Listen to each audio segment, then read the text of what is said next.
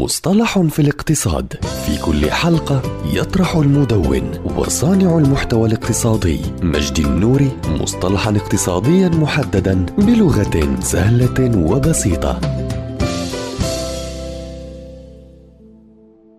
نموذج نمو جوردان هو صيغة تستخدم لتحديد القيمة الجوهرية للسهم بناء على سلسلة مستقبلية من الأرباح التي تنمو بمعدل ثابت. إنه متغير شائع ومباشر لنموذج خصم الأرباح، حيث إنه نموذج يفترض ثبات نمو أرباح الأسهم إلى الأبد لتحل للقيمة الحالية سلسلة لا نهائية من الأرباح المستقبلية، ولهذا السبب من الفرضيات فإنه يستخدم بشكل عام فقط للشركات ذات معدلات النمو المستقرة في توزيعات الأرباح الأرباح لكل سهم. ولهذا النموذج أهمية لدى الكثيرين من الاقتصاديين أو المحللين أو المساهمين إذ أنه يحسب قيمة السهم بغض النظر عن ظروف السوق السائدة ويأخذ في الاعتبار عوامل توزيع الأرباح والعوائد المتوقعة. وهذه الأهمية هي نفس السلبية التي يراها البعض فيه حيث أنهم يرون أن هذا النموذج لا يصلح لأن يكون قاعدة معممة في عالم التحليل.